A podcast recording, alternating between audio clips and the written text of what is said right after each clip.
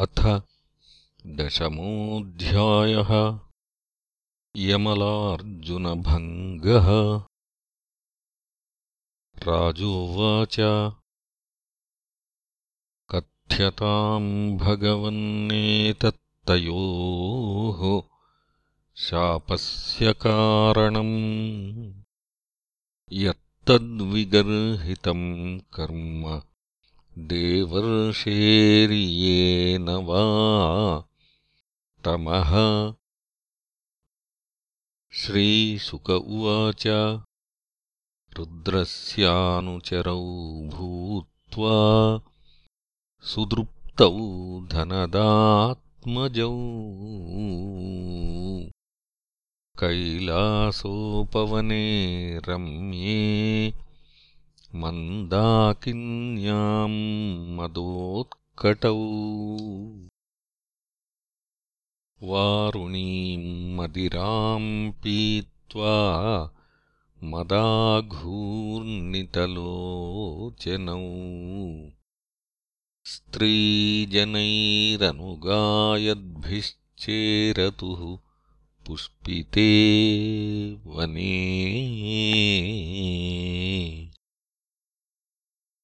अन्तः प्रविश्य गङ्गायामम्भोजवनराजिनी चिक्रीडतुर्युवतिभिर्गजाविव करेणुभिः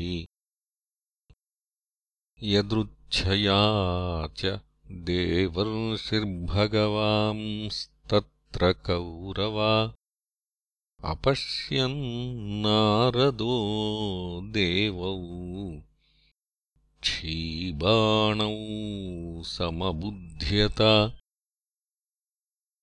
तम् दृष्ट्वा व्रीडिता देव्यो विवस्त्राः शापशङ्किताः।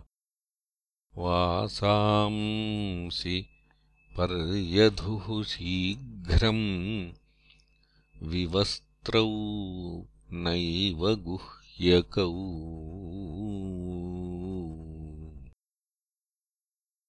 तौ दृष्ट्वा मदिरामत्तौ श्रीमदान्धौ सुरात्मजौ। तयोरनुग्रहार्थाय शापम् दास्यन्निदम् जगौ।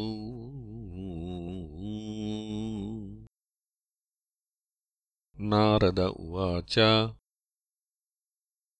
न ह्यन्यो जुषतो जोष्यान्।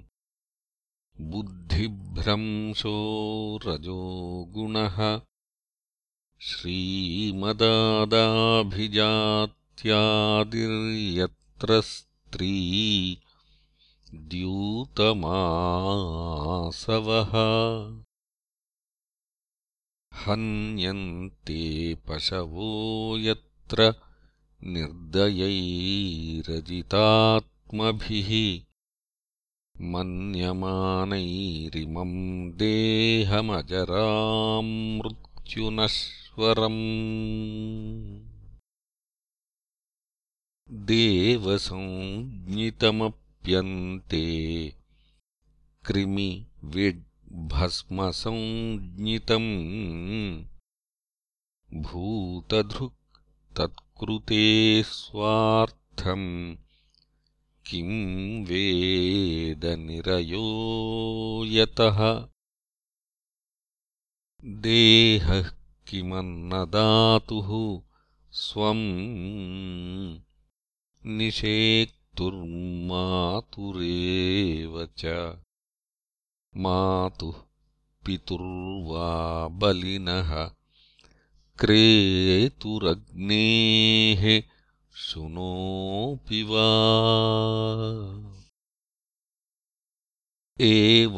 साधारणम् देहमव्यक्तप्रभवाप्ययम् को विद्वानात्मसात्कृत्वा हन्ति जन्तूनृते सतः।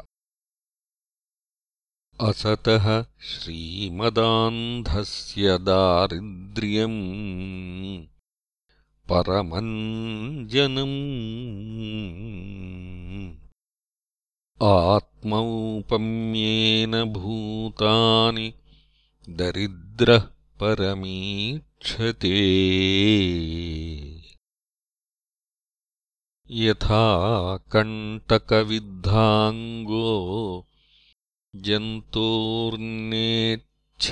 ताम् व्यथाम् जीवसाम्यम् गतो लिङ्गैर्न तथा विद्धकण्टकः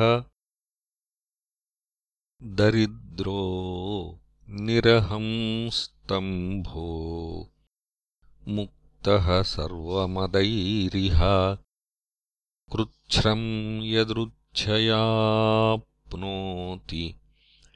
तद्धि तस्य परम् तपः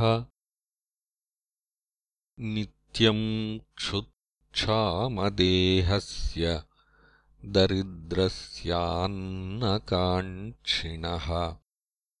इन्द्रियाण्यनुसुष्यन्ति हिंसापि विनिवर्तते। दरिद्रस्यैव युज्यन्ते साधवः समदर्शिनः। सद्भिः क्षिणोति तम् तर्षम् तताराद्विशुध्यति साधूनाम् समचित्तानाम् मुकुन्दचरणैषिणाम् उपेक्ष्यैः किम् धनस्तम्भैः असद्भिरसदाश्रयैः। तदहम् मत्तयोर्माध्व्या वारुण्या श्रीमदान्धयोः। तमोमदम् हरिष्यामि स्त्रैणयोरजितात्मनोः यदिमौ लोकपालस्य पुत्रौ भूत्वा तमः प्लुतौ न विवाससमात्मानम् विजानीतः सुदुर्मदौ। अतोऽर्हतः स्थावरताम् स्याताम् नैवम् यथा पुनः स्मृतिः स्यान्मत्प्रसादेन तत्रापि मदनुग्रहात्। वासुदेवस्य सान्निध्यम् लब्ध्वा दिव्यशरच्छते वृत्ते स्वर्लोकताम् भूयो लब्धभक्ती भविष्यतः। श्रीशुक उवाच। स एवमुक्त्वा देवर्षिर्गतो नारायणाश्रमम्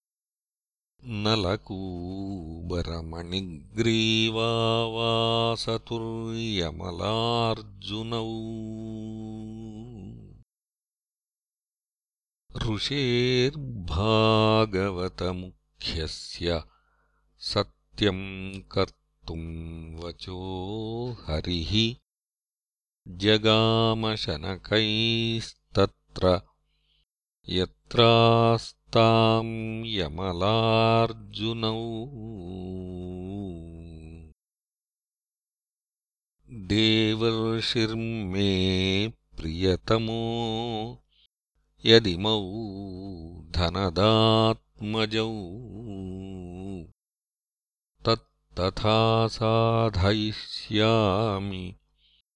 यद्गीतम् तन्महात्मना इत्यन्तरेणार्जुनयोः कृष्णस्तु यमयोर्ययौ। आत्मनिर्वेशमात्रेण तिर्यग्गतमुलूखलम् बालेन निष्कर्षयतान्वगुलूखलम् तद् दामोदरेण तरसोत्कलिताङ्घ्रिबन्धौ। निष्पेततुः परमविक्रमितातिवेपस्कन्धप्रवाळविटपौ कृतचण्डशब्दौ। तत्र श्रिया परमया ककुभः स्फुरन्तौ। सिद्धा उपेत्यकुजयोरिव जातवेदाः। कृष्णम् प्रणम्य शिरसाखिललोकनाथम् बद्धाञ्जलीः विरजसाविदमूचतुः स्म।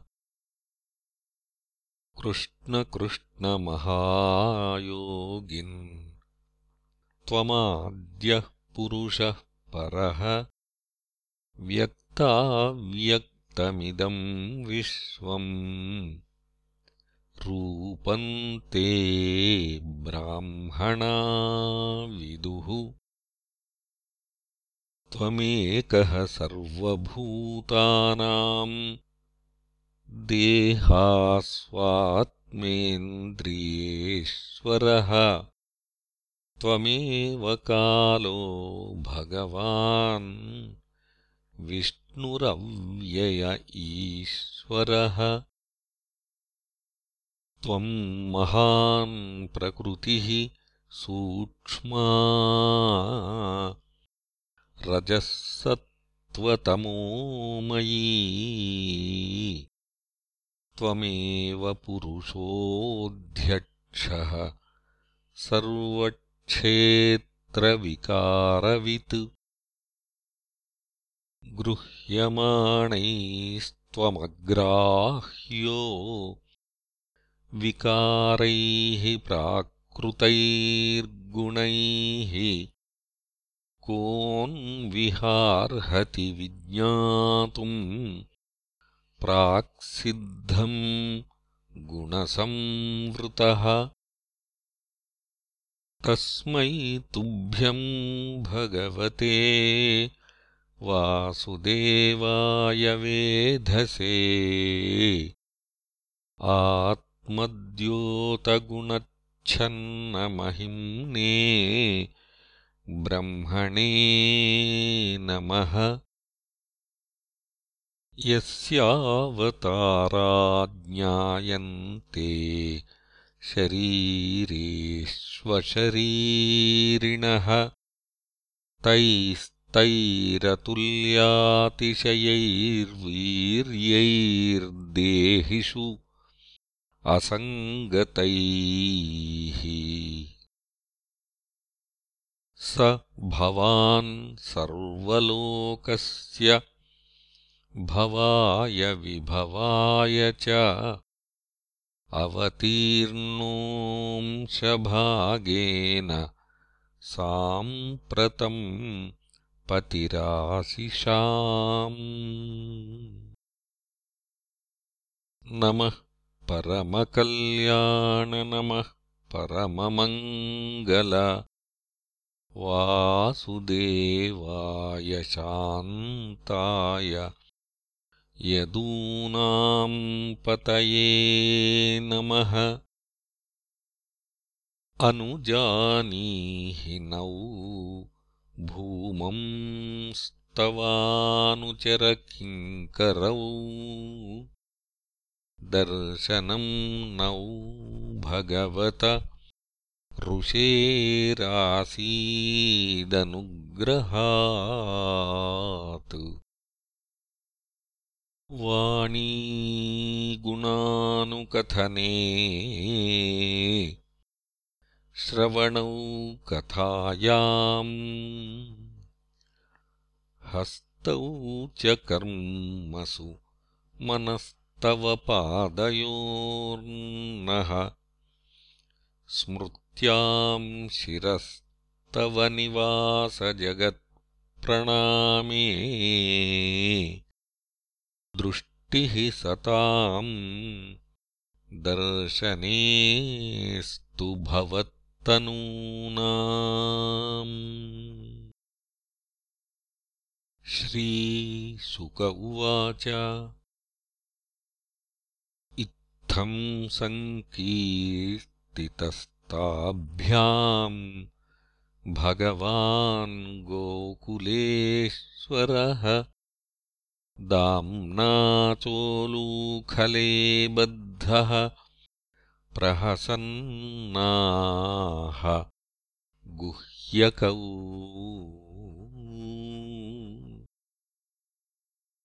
श्रीभगवानुवाच ज्ञातम् मया पुरैवैतदृषिणा। करुणा मना यच्छ्रीमदान्धयोर्वाग्भिः विभ्रंशोऽनुग्रहः कृतः साधूनाम् समचित्तानाम् सुतराम् मत्कृतात्मनाम्। दर्शनान्नो भवेद्बन्धः पुंसोक्ष्णोः सवितुर्यथा। तद्गच्छतम् मत्परमौ नलकूबरसादनम् सञ्जातो मयि भावो वामीप्सितः परमो भवः। श्रीसुक उवाच। इत्युक्तौ तु परिक्रम्य प्रणम्य च पुनः पुनः बद्धोलूखलमामन्त्र्य जग्मतुर्दिशमुत्तराम्। इति श्रीमद्भागवते महापुराणे पारमहंस्याम् संहितायाम् दशमस्कन्धे पूर्वार्धे नारदशापो नाम दशमोऽध्यायः